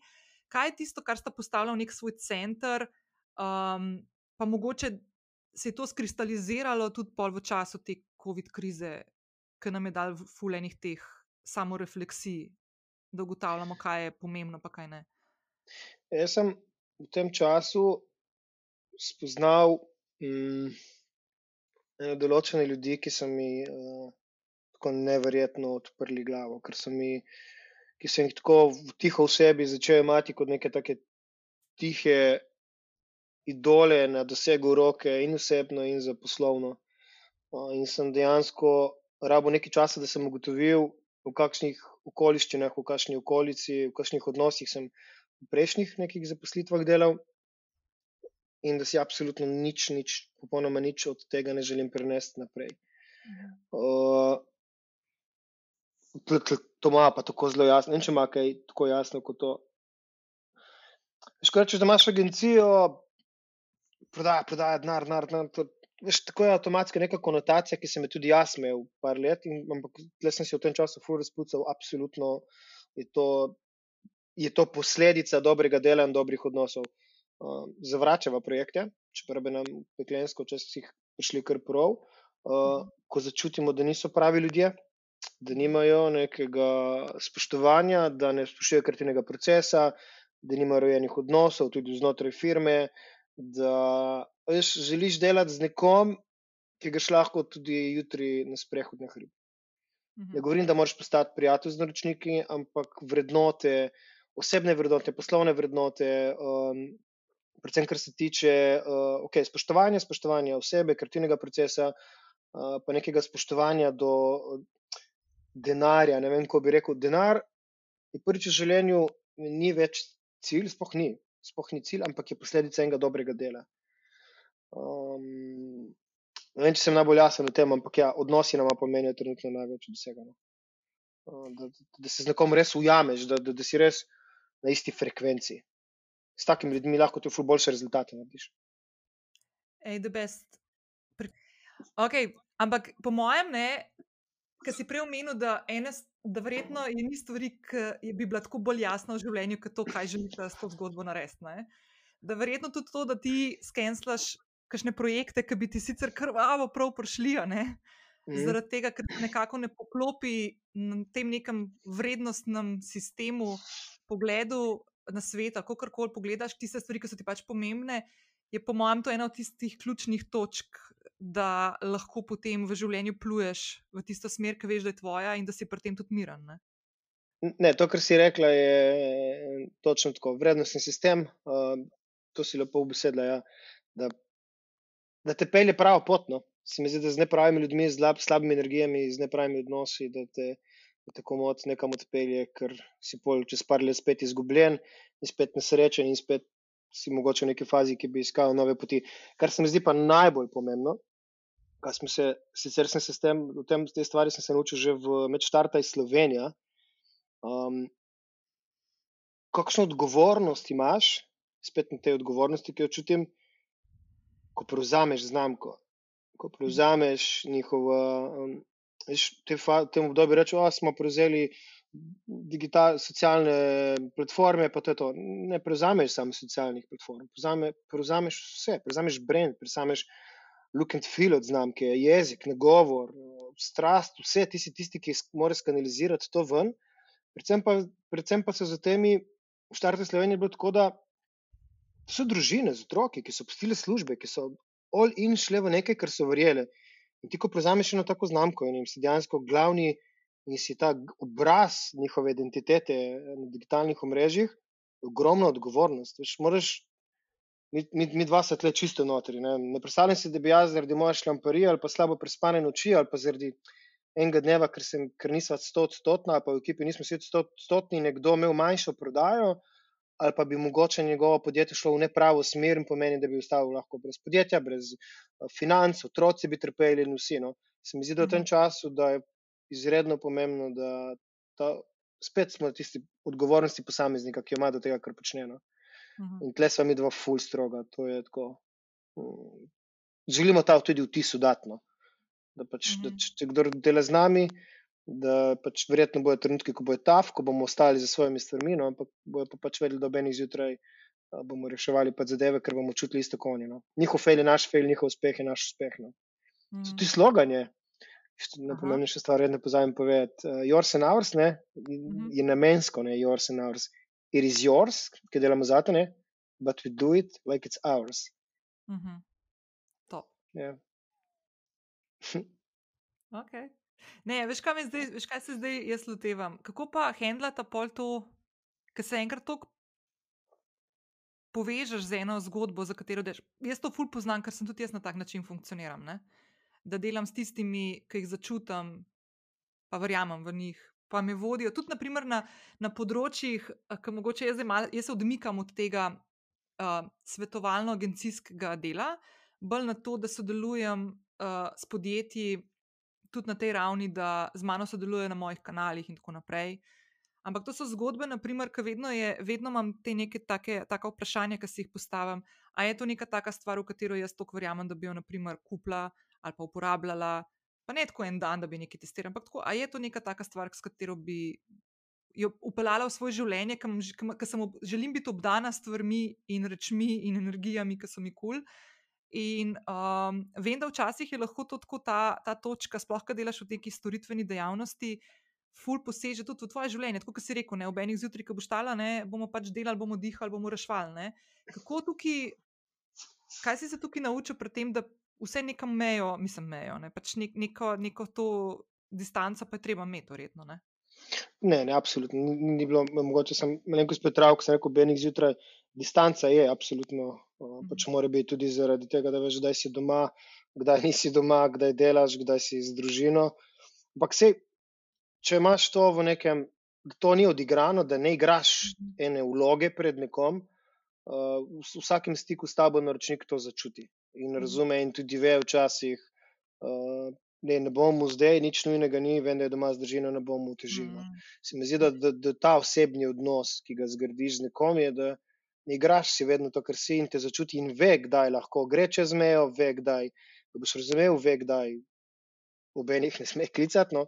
Se mi zdi, da, da, da je tako zelo celostno je to vse skupaj. No. Mhm. Težko, težko rečem, nismo vzeli nek bord, pa ne pisali, to je meja, to je meja, to je meja, ampak se zdi, da prvič v življenju počneva nekaj, ker je najna osebnost popolnoma upletena in torej naročnik, ko ne začuti, ve sam. No. -hmm. Če pa pač gre čez, mu pač rečeš. No. Mislim, nič takega. Nis, absolutno nismo, nismo nekdo, tudi mislim, če bolj osebno govorim, ki ne pove iskreno, kaj si misli. Včasih, ko ga malo zaboli, tako je presenečen, je direkt, ampak, ampak se mi zdi, da sem tako lahko priješ daleč. No. Ne, se meni se zdi, da enkrat sem jaz presej opazila, ker me kdaj še tako vpraša, uh, že dobim kakšno sporočilo, ej, kako mejo postaviš v življenju. Ne? Jaz tako mm, ne, ne znam to tako odgovoriti tri korake ali pa tri načini, kako to narediš. Ne? Ampak jaz sem presej opazvala, da sem jaz čisto organsko začela te meje postavljati takoj takrat, ko sem lahko najprej, najprej ko sem vedela, kaj hočem, ko sem ugotovila, kaj je moj namen, mm. kaj hočem početi. In potem so se vse stvari in vse odločitve, in to, da rečeš ne nekomu, in to, da rečeš, ali pa da rečeš ja. Uh, te stvari se začnejo, čutijo se, postavijo se v nek tak, um, ki zbereš ta prave ljudi, s katerimi delaš ali pa sodeluješ. Se na neki taki nezavedni ravni sprožijo tudi te, uh, ta, ta iskren odnos, zaupanja vreden odnos, uh, ki pride do nekega vzajemnega spoštovanja teh stvari. Ne? To si Ja, jaz pravim, da je meja tvoja osebnost. Če si v svojem stebru, jaz sem se v zadnjem času obadal, kaj pomeni biti v svojem stebru. Ko si ti, ko te noben, noben vetrčič ne premakne v tem kontekstu, da ne vplivajo preveč ljudi na tebe, da si samozavesten. Da, a veš, ko nekdo pride, pa točno veš, da je prišel zadovoljen sam s sabo, pa veš, avtomatsko ti njegov karakter, njegov osebnost postavi neko mejo. Če pa si mal raztrešen, pa en dan sem kul, en dan sem pa zoper, en dan sem pa tak, pa se vse mal prilagajaš, pol se mi zdi tudi, da tvoja, tvoja neka govorica, telesne besede ne morejo postaviti neke naravne meje. Če si pa ti v stebru, ljudem se mi ja. zdi jasno, da okay, tu je meja, tu ne grem čez. Top. Okay, zdaj pa razumljiv zdaj. Ja. Ne, ful dobro. Se jaz upam, da bodo poslušalke in poslušalci to razumeli. Čiste ezoterične. ja, jaz to vedno rečem, vse mogoče je to malo ezoterično, ampak tako. Da, v kakšno okay. kadilo zdaj prižgati. Pa. A si prižgati? Ja, ja, ja. By the way, če, če smem povedati, da sem jaz danes dvakrat že ustavila na en pogovor, ker sem šla dol po dostave in med drugim sem kristale dobila od mojce. No. Full on brand s tem pogovorom se mi zdi. Ok, ampak veš kaj, preden greva naprej, da mi nekaj zdaj povej. Zakaj, si, zakaj sta Zevo 1. marca 2021 razkrila ime, pa spletno stran, pa to celo zgodbo postavila, če jo delata že toliko časa. Poleg tega, da sta hotla projekte nabrati, pa jih da gor. Ampak da mi zdaj razlož, zakaj točno ta dan. Uh, ker smo 16. januar zamudila, ki je bil ful dobr dan za postaviti stvari, in pol je bil naslednji dan šele um, 28. oziroma 1. marec. Ja, uh, planeti energije. Ne? Februar je bil retrogradni Merkur, ampak ne gre samo za retrogradni Merkur, gre za uh, več planetov postavite vseh energij Mhm. in so bile totalno kontrano. In je bil februar, res je bil tudi to. Se, veš, ko govoriš o takih stvareh, te marsikdo čudno pogleda. Ne? Sam pol pa rečeš, gledaj, ko je polna luna, mislim, ne, sedem metrov dvigne cel ocean, vsi so živčni in spijo, ne, mislim, cel ocean dvigne pa tvojih par litrov vode, ne bo vplivalo na te. Veš. Avtomatsko so bili v februarju vsi malo bolj živčni, malo bolj hektični, v februarju tudi načeloma najbolj depresiven mesec in veš, ni bilo za nič štartati. Pro- Energije so bile take in tudi se je pokazalo, vsi se mi zdi neka kolektivna zavest, da je delovala v tem, je bil mesec za zaključevati stvari, ki si jih že prej začel. In uh, torej 28. februar in 1. marec je bila prava um, konstelacija planetov za tako stvar narediti. In je res, in smo se zbudili zjutraj in mislim, da so se čutili energije. Če si dovzeten, če slišiš. Uh, in, in to smo Jaz točno pravi uri štartali z vsem in je imelo ful dobro učinek. In v bistvu štart bil ful boljši, kot pa če bi en teden verjetno nazaj to naredili. No. Pa tudi Jaz redi smo bili. No. Res raje ne povem, kaj se meni 28. drugega v glavi dogajalo in v srcu. Tako, je, res je šlo toliko enih stvari skozi mene za nazaj. Ja, to. sem, mislila, ki sem že mislila, da sem jih predelala, in tako naprej, sem take šamarje dobivala v nedeljo. Ne, da sem sam rekla, ker so se mi do ponedeljka slišala, sem rekla, aha, ok, štekam zdaj vse, še bolj kot sicer. Ampak, da mi povej, ti tako ogromno teh uh, odločitev, mislim, odlo pomembne odločitve v življenju um, posinkaš, oziroma uh, jih nekako, um, kako ne rečem, uskladiš uh, z nekimi energijami ali pa po zložaju planetov. Gre, greš preveriti stvari. Ne? Si zdaj že ugotovil in se naučil, da to drži. Ja. Glej, ali verjameš v to, ali ne verjameš v to, ko si določiš neke dneve, neke datume, neke trenutke, neka obdobja, avtomatsko si ful bolj sfokusiran na te stvari in takrat Mhm. res daš več od sebe. Zdaj, ali verjameš v to, ali pa pač ne. No. Jaz verjamem in se mi zdi, da pol še močnejši učinek. No. Nisem, ni, nisem dolgo časa, da, da stavim na to, no, ampak zadnje dve leti veliko. Je pa zanimivo pogledati pol za nazaj, ne, ko so kakšne stvari štartale, ful pomembne, sem šel malo preveriti, kaj se je takrat dogajalo ne, s to mojo uh, gajo. In so se te, dejansko vsi veliki premiki, ki sem jih naredil v življenju, so se dogajali ob točno po pravih dnevih. Ker je najbolj bizarno, tako, ok, očitno je tu neka intuicija, igra, ko si pomirjen. Um, tako da, ja, nek, ja, resno, dve leti, uh, mogoče malo več, intuitivno pa očitno že celo življenje. Pa ne, se tudi konec koncev, ne, tako malo imamo vsi malo zadržek, ko take stvari tako začnemo malo spremljati. Pa to, ker jaz, se ti veš, ne, sem bila tako skeptična, pa še lej, vzgojena v družini, kjer je moj dedek imel cel življenje živel v prepričanju, da bo umrl, ko bo star 74 let, ker mu je to, ker je bil otrok ena šlogara, šlogala iz kave, ena ciganka in ni umrl, ker je bil star 74 in mi smo cela familija dajali vse te stvari v isti koš. Ne. A veš, meditacijo, šloganje, astrologijo, horoskope, vse je bilo to v istem, tisto, da je to. Je, ne. in sem odraščala v tem, sem mogla dejansko spustiti določene stvari um, pred leti. To je bilo pri meni tako, takrat, ko sem šla malo v jogo, pa to, ker mi je bilo blazno strah, da bom ratala preveč spiritualna. ne. Ja, ja, ja. Danes imam konstantno občutek, da je to ful fajn, pa da mogoče bi bilo fajn še bolj delati na tem vsak dan, ker je fajn občutek, ker si povezan res sam s sabo. ne. Um, tako da ja, mislim, ne, ne moreš škoditi. No, če pa ne verjameš, pa pač ne verjameš, pa ni panike nobene, ne, Saj, tle, ne, da bi se šlo za neko prepričevanje neprepričanih. Ne. Ne, se to, to je ful osebna stvar. To je tako, jaz to, jaz to na neglas noben upam, už jaz pa verjamem to. Če pride debata, če koga zanima, če tako rečem ja, če ne, ni. To je, to je čisto osebna stvar. Ker zlahka, kot si rekla, padeš v neko ful spiritualnost in pol se mi zdi, da ljudje mislijo, da morajo vsem povedati in se če drugače oblačiti, ne vem kaj. in Ne, se, mislim. A ni fan verjeti v neko čisto odbiljeno stvar, ki ti polepša dan rečeš, v danes se pa pravi planet, gremo štartati. Pa na koncu konca je fan. A Veš, Ja, če gledaš, je tako ja. zabavno, kot po planetih. Ja, ja, stari po planetih. Wow, zabavno je, drugače. Ne, meni je všeč, je. všeč. Pa konc koncev, meni kaj je meni dobro, takrat, ko si ti meni rekel, ne, Nina, ne 21. december 2019, de, 9. december. Sko, fuck, jaz sem zdaj tri tedne manj časa. A veš, kako bom jaz zdaj to naredila? Ampak si stisnil, ne? ne? Ja, sem, deadline si mi dal. Dobro je bilo, a veš, kul. Imaš to. tam en datum, rečeš, lej, tako je. Ne more biti zdaj naslednji. da ja. Ej, dej povej, a imaš še kakšne take rutine ali kaj tazga, tako kot te, naprimer, uh, si to bo še prišla do tega, no? ampak še kakšno tako stvar, ki tako počneš, ki si ugotovil, da ti ful velik daje ali pa si naredil kakšne premike dodatne na tej svoji poti, samo spoznavanje in samo refleksije, ki ti pomagajo tako v življenju. Ha, mm, lahko govorimo o rutini, ful lepi rutini, pomirjujoči, ki je zdaj že nekaj časa ni, ker Arne. Um, ne, ob treh zjutraj bi se včasih bi risal, tata, ob petih bi tata risal, tata, avto, tata. Tako da rutina, da bi vstal ob petih, petnajst, zdaj bom opisal staro rutino, pa šel na balkon, na teraso, v atri se nadihal, šel nazaj, naredil jogo, sem ful delal. Pa pol zmeditiral, pa si kadila prižgal, pa malo v glavi razpucal, pa tako ali kavico ali mačo in full zdrav zajtrk. Tega ni. Že ko sem govoril, tako, hm, je enkrat na tri tedne mi uspelo, se vzeti tistih 20 minut zjutraj, ne? se lahko upraviš zvečer, ampak ta jutraj se mi zdi, da je full pomembno. No? Um, tako da arne je, ampak spet, mislim, njegov nasmeh pa ob treh zjutraj, ob petih zjutraj, risal tata, avto tata. Eh, zdaj ima ful dobro, ker sem ugotovil, da avto ima mašino in Aha. ve reči mašina, ki je težka beseda. In jo danes, danes, danes zjeva spet nisem neki spale, ki nekaj sanjama, ful sanja bogi in se ful straši.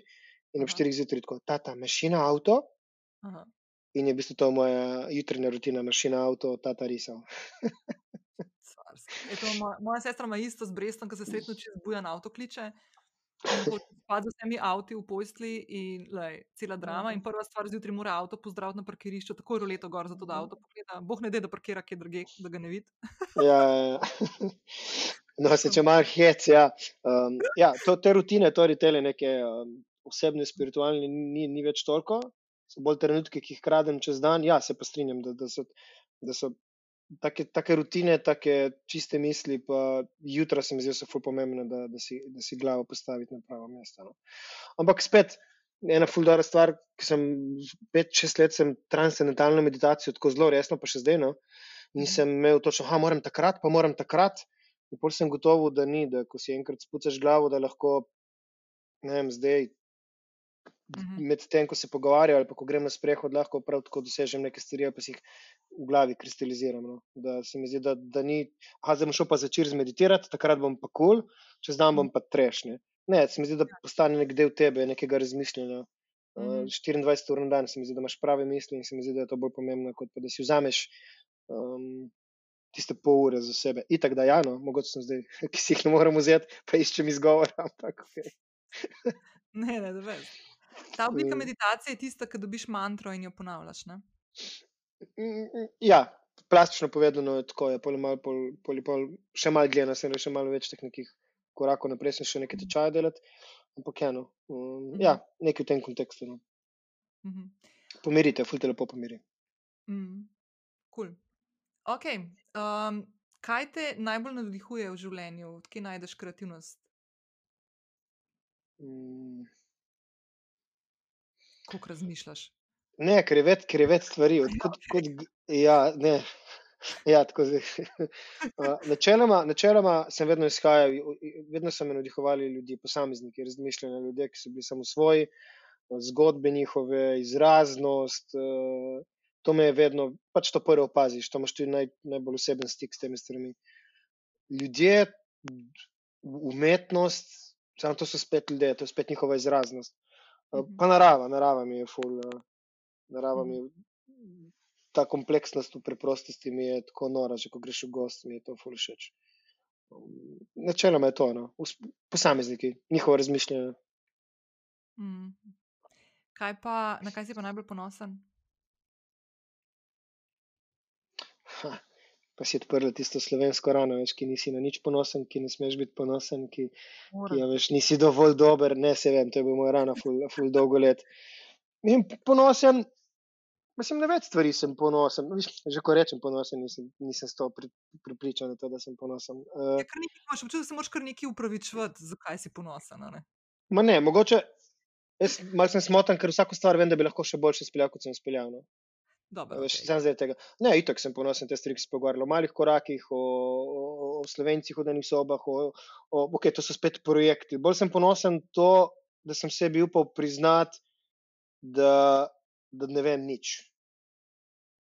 Veš, skozi odraščanje, da ok, torej pojma nimaš, nehaj nakladati, da se mal, a veš, da odpri glavo, pa se. Ponosen sem na to, da sem se rešil strahov in da sem ugotovil, da, uh, da pač, da imam jerk v določenih stvareh, da, da jih ne znam, da, da sem se upal iti na to pot, neke full osebne rasti, full težke. Vse veš.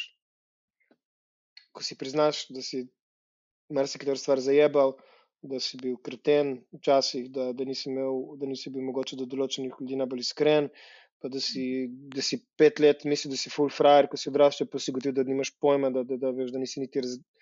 Pač, ponosen sem na to, da sem ugotovil, da, uh, da, da, da moram rasti. No. Mislim, ponosen, nekaterim je to čisto normalno, ampak zdi se mi, da sem v taki okolici odraščal,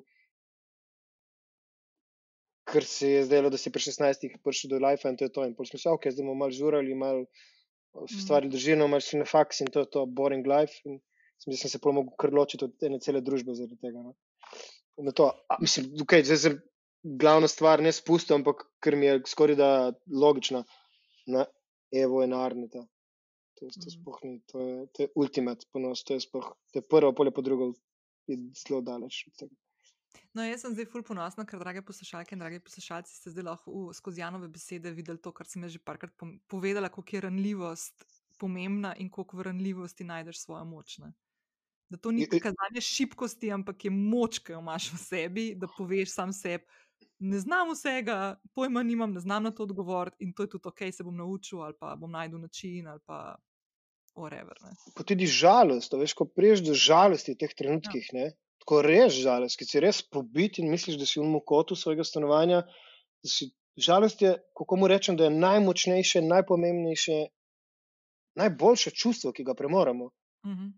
Meni je žalost bolj pomembna kot sreča včasih, ker v sreči itak sreča je, v- kako se zoveš na žalost. Ko si žalosten, se največ naučiš, največ si sfokusiran, največ si upaš priznati svoje napake, ker si ranljiv. In na podlagi tega, kako reagiraš, sem jaz osebno na žalost, je odvisna količina moje sreče. Mhm. To je moja ful močna premisa, za katero ful trdo stojim. Mhm. Ko si žalosten, uh, kaj je že ta indijski ošo, kaj je že ko rekel, ko ti žalost ali pa karkoli potrka na vrata, ne? Odpri vrata, povabi v dnevno sobo, ok, let's talk, kaj zdaj? Veš, Ne, ne, ne bom unije, nije, bo, ne bom odprl vrat, ne, welcome. Bolje pozdravi kot srečo. Sreča je rezultat uh, odziva na to, se mi zdi. No. Tako Da, ja. Top.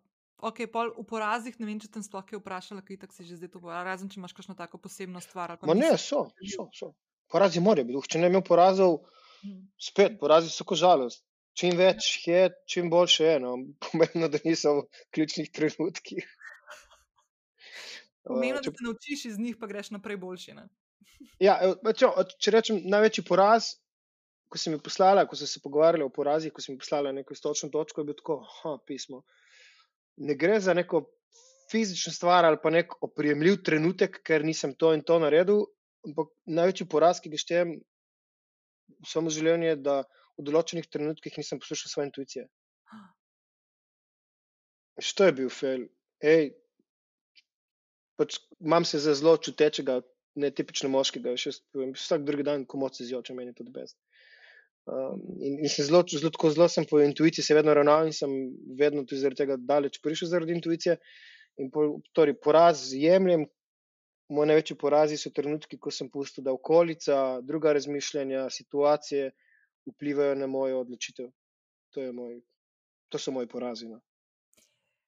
Ej, če bi jaz danes dobila to vprašanje, uh, meni se je lansko leto v drugem valu jeseni, sem ugotovila, da moj največji poraz v življenju in ki si ga kar učitam, se zdaj ful, uh, ful se zdaj v tem obdobju uh, samo zdravim in spuščam ta občutek.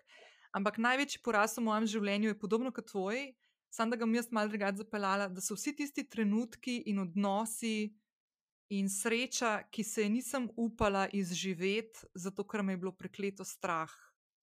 enega kupa enih strahov, ki sem jih imela, neuspeha, tudi uspeha, uh, zavrnitve, izgube, uh, ker sem samo sabotirala sebe in se, in se pustila v nekem mehurčku svojem, kao varnem, da me ne bo noben prizadel, dejansko sem pa najbolj sebe prizadela. No, Tako lepo rekla. Ja, to je to, to je totalno čutim. Če bi bila zdaj v živo, bi to bil in bi rekel, da je eno mačo skuhaj, gremo na balkonček. ja, se strinjam. Ja. ja. To je to. Fulepo. Noro. Ok, rutino si že povedal. Ti bom pa vprašala, tako top knjiga, film, podcast, serija, kakšne take stvari, ki te. Kaj je kakšna taka stvar, ki jo nujno delaš, ki ti je kula za branje? Knjiga si v perfect uh, timingu vprašala za knjigo. Uh mhm. -huh. sem, včasih sem veliko več bral, zdaj bolj malo, ampak tako. Večinoma sem bral knjige o osebni rasti, o avtorju autobiografije uspešnih, uh, srečnih posameznikov. In sem vedno od vsake knjige nekaj malega vzel. In sem prejšnji teden, uh, tik pred izidom dobil knjigo uh, Seven Unicorn Drive od uh, Samota in Ize Lugin. In me je, ne vem, če me je kakšna stvar tako sezula, tako navdihnila, mi je dala toliko na osebni rasti, na uh, odnosih v, v podjetništvu, v, v firmi, v, uh, v manifestaciji, v vsemu, kot mi je dalo teh 300 strani. In en sem kdaj tako hitro, 300 strani, uh, hitro in z otroškimi očmi prebral kot ta knjiga. No. Mislim, da to, le, ne, to je trenutno moja najboljša knjiga, ki sem jo kadarkoli prebral. No. In je glih na sveže, zdaj dva dni nazaj sem jo prebral in jo priporočam, tako, ker je mm, knjiga, ki lahko dejansko ful. Dejansko lahko spremeni družbo. Če bi vsi prebrali, mislim, da bi bilo malo drugače pri nas. Tako res navdihujoče, tako bolano. No. No, zdaj, prej greš naprej na ostale stvari, bom sam nekaj dodala. Da ta knjiga je bila izdana, o, kako čudno, ta ponedeljek 1. marca 2021. V bistvu, uri smo štartili. okay. No, pa če še tako povem, da vse, kar zanima, mogoče ta knjiga, da samo še danes bom dala jaz v zapis epizode link. Samo še danes jo lahko na Amazonu si prenesete tudi na svojega Kindla. Mimo grede, jaz sem to ugotovila v ponedeljek, lahko narediš tudi, če nimaš Kindle tablice na svojem računalniku in jo lahko brezplačno naložite si po današnjem dnevu, uh, pa potem pa se jo kupi v fizični obliki. Mislim, da stane 17 dolarjev. Da, evo, da, ja, do petka je na, je na Amazonu free. Torej, do ja. danes je v bistvu do večera. Do danes, ja. Da, tudi, če zamudijo to, kupite in pol, uh, pošljite ja. se mi. Hvala, ker si nam predlagal to knjigo. ja, bom dala še nekaj od Jana, tudi noter v šovno. Ne vem. Ok, da je še kakšen film, podcast, serija, ali pa ne vem, kakšno drugo stvar, ki je tudi taka. Oh, wow, film je, ful sem, ful imam rad filme. Zdaj, uh, veliko dobrih filmov je, veliko filmov, ki me je zaznamovalo. Ni več na prvem mestu ta film, ki ga bom rekel, ker, sem, ker je to že 15 let star film, ampak v enem obdobju, marsikom čudno, me je noro prevzel Doni Darko. Oh, okay. Si gledala? Ne, ampak vem, da igra Johnny Depp. Ne, ne. Uh, ne. Ne, ne, ne, ne, ne moreš gledati. Eh, ta Gilenhol, Jack gre kaj. Ja, oh, ok. Ej, to je v enem obdobju bil tako za me, da je to odbit film, tako totalno nelogičen, ampak mi je bil v tistem obdobju ful, ful, dobro. Veliko filmov, težko bi rekel, da mi je eden zdaj, um, da, me, da bi rekel zdaj enega, no, ampak neko top 10 listov imam, no. Mhm. lahko ti pošljem, pol pa da še spodaj link. Ampak, ja, um, ne, se kul, cool jaz, jaz, jaz ne znam na to vprašanje odgovoriti, iskreno. Ja, rad imam filme, ki mi ful pustijo, kot knjige, no? ki mi pustijo nekaj resničnega za, za, za življenje. Nimam pa reči rad fikcije. No? Razen mm. kakšne res tiste, tiste reš ortofikcije, ne kakšne te Avengers, tako gledaš, pa se smejiš, če šel do best. ampak, ne. Ja, ja, ne, ampak to je pač fikcija. Uh, podcast, e, itak, Joe Rogan sem full časa poslušal, zdaj ga sicer full manj. Zakaj? Zato, ker um, sem na ne? Ma ne, ne vem, mogoče obdobje, mogoče sem se mal prenajedel, ne vem. Pač, mm. ne vem, pač enostavno mi je šel mimo, no. vsega še vsa, vsako toliko. Uh, mislim, da če rečem tvoj podcast, je že tako malo, itak da ja, če ne, ne bi bil tle, to je logično. Mislim, ne, se, mislim, ne vem, če ga kdo ne, no, glede koliko poslušalcev imaš in koliko klikov imaš, mislim, da ga vsi.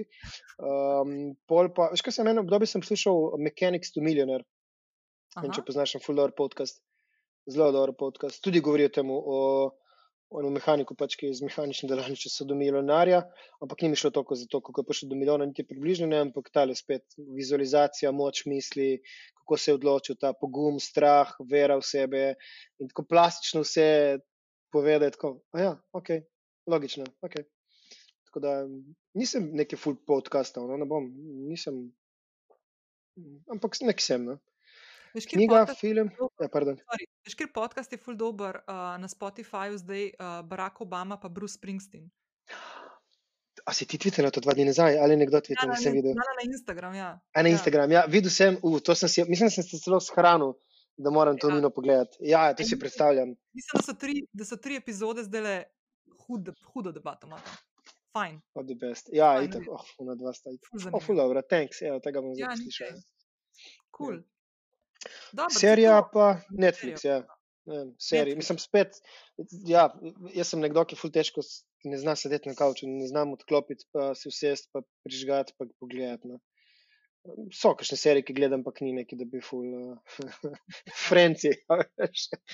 Moja Eva, moja Eva je nora na Frence in pol včasih so pač Frenci že 19. tako da. Ampak ne. ne. Ej, še nekaj ste bom vprašala, ker ti nisem dala, na, da se špro, da, med istočnice. Najljubši bend. Ne, ful dobro vprašanje. Pred par leti bi ti ful jasno znal No, odgovoriti. kaj. Čakaj, pač pa, ma, ni bi nikoli eden, Okay. vedno jih je bilo par.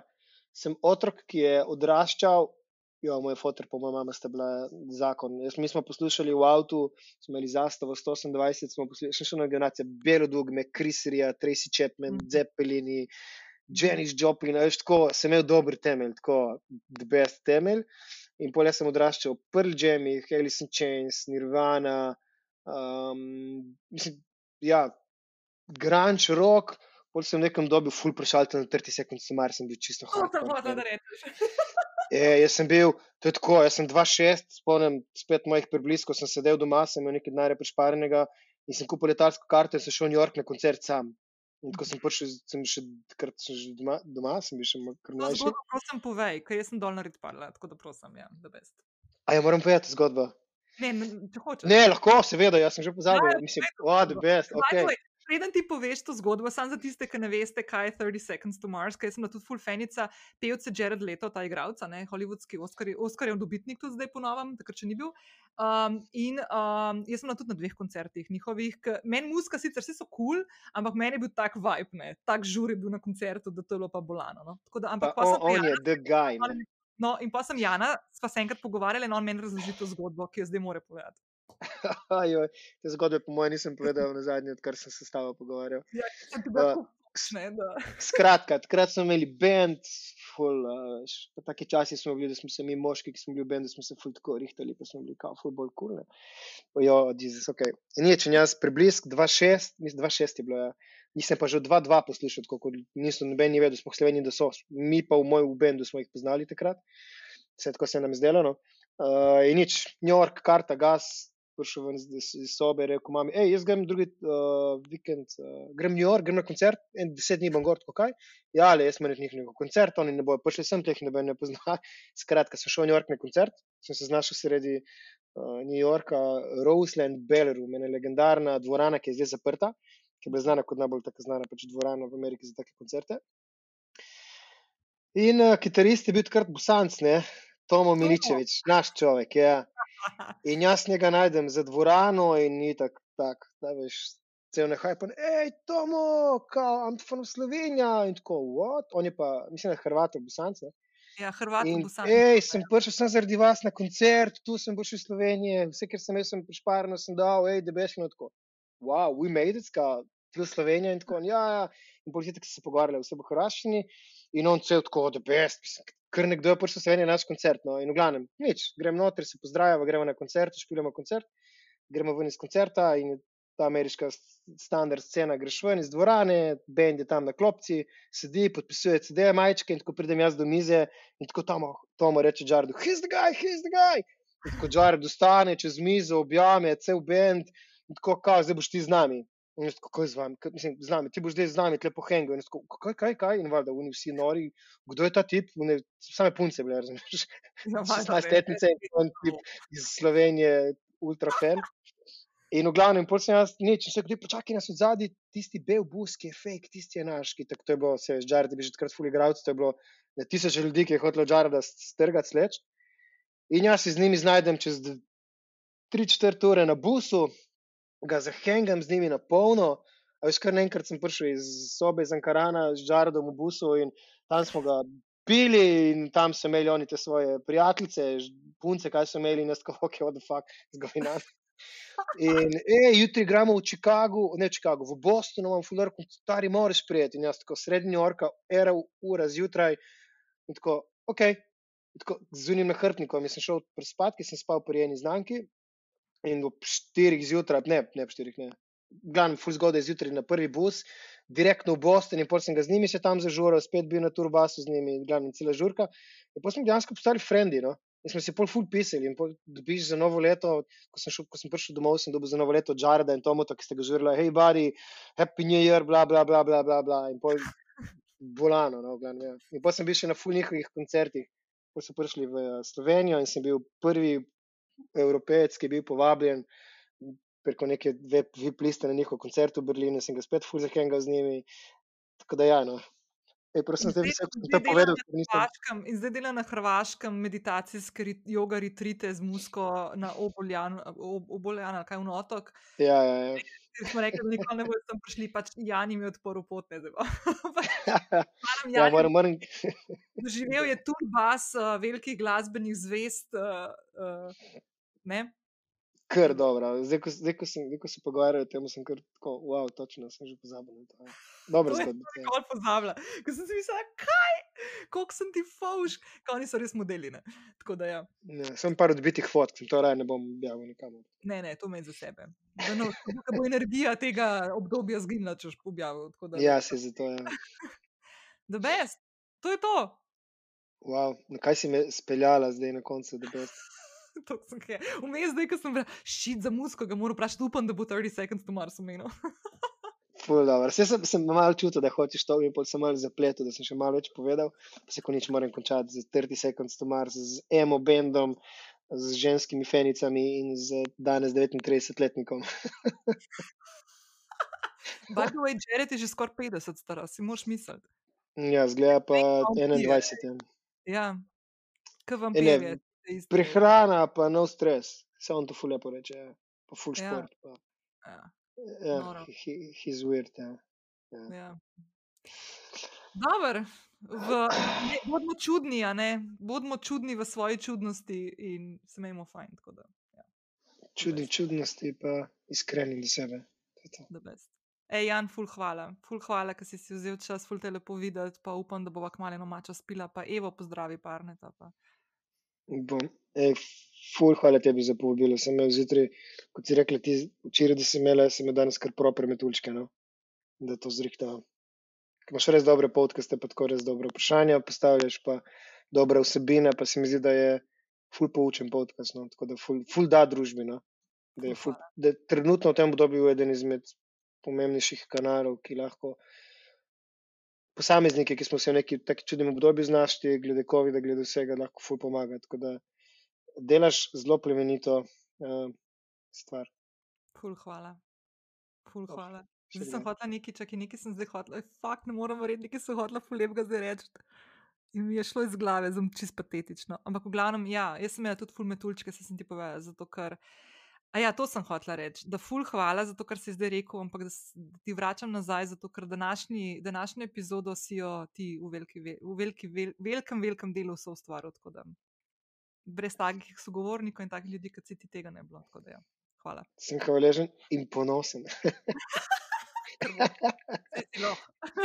Okay, zdaj sem lahko. Ja. Ej, Jan, lepo bodi. Enako, lep dan. Ciao. Čau. Hvala, Jan. Um, lahko povem, da smo mi dva z Janom, ko smo nehala tale pogovor, ko smo nehala z Jared letom,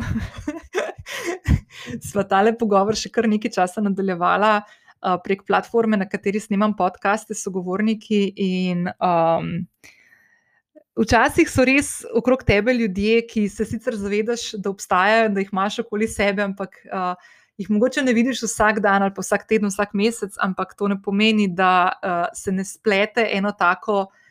Iskreno prijateljstvo, ali pa neka taka vez, ki je topla, prijateljska, podpirujoča, um, navdihujoča. In Jan je definitivno, tudi njegova Eva, moram reči, da ne bom pozabila, oba sta gotovo um, del tega ozvezdja, uh, ki mi ga je uspelo nekako v življenju uh, sestaviti skupaj, uh, ker sem se obdala s takimi ljudmi, ki me res, res, res navdihujejo. In definitivno Jan in Eva sta ena od teh dveh ljudi. Um, blazno sem tudi vesela, ker je Jan tisti, uh, kot so danes se pogovarjali v epizodi, uh, kateremu se pogosto. Vrnem s kakšnim SMS-om, da mi pove, uh, to je bilo namreč tudi potem, ko smo nehali snemati tale pogovor, je bila ena od tem, uh, da mi pove, kakšen dober datum v tem mesecu, kdaj se splača kakšna stvar lansirati, ali pa kje so oni datumi, ki se jih je mogoče bolj izogibati, ne poleg tistih klasičnih retrogradnih Merkurjev in teh obdobij podobnih. Tako da mi je vedno ful smešno ker v bistvu um, prek Jana ogromno teh nekih informacij tudi jaz dobivam in mi je ful, ful dobro. Tako da, ja, poleg tega, da je tudi ful fan mače in tako naprej, tako da se ful veselim. Jan, ful se veselim, ko bomo se dobili in da spijemo eno dobro skodelico mače late in ne vem, nazdravimo vsem nam, ki preživljamo in rastemo. Kljub temu, da je to obdobje res tako malo noro, ali pa ravno zaradi tega. No. Tako da, ja, Tako da hvala, Jan, še enkrat, hvala za tvojo iskrenost. Hvala vsem vam, ki ste ostali do konca. Jaz srčno verjamem v to, da vam je bil ta pogovor všeč. Um, nekako imam v mislih to, da bom Jana gotovo še povabila. Um, Kot gosta na podcast. Ene par tem se nam je odprlo, še potem, ko smo nehali snemati. Tako da jaz mislim, da je to le ena taka, en ta, štart take neke um, vrn, vrnujajoče čist sem zdaj to razda, razdala čez to besedo. Ampak um, to bi mogla zdaj ven zbrisati, pa ne bom. Ampak enega takega uh, vračajočega se gosta, uh, ki bo še polepšal naše petke. Hvala še enkrat, Jan, hvala tebi, fino se majte, lep vikend in se slišimo naslednji teden. Ciao!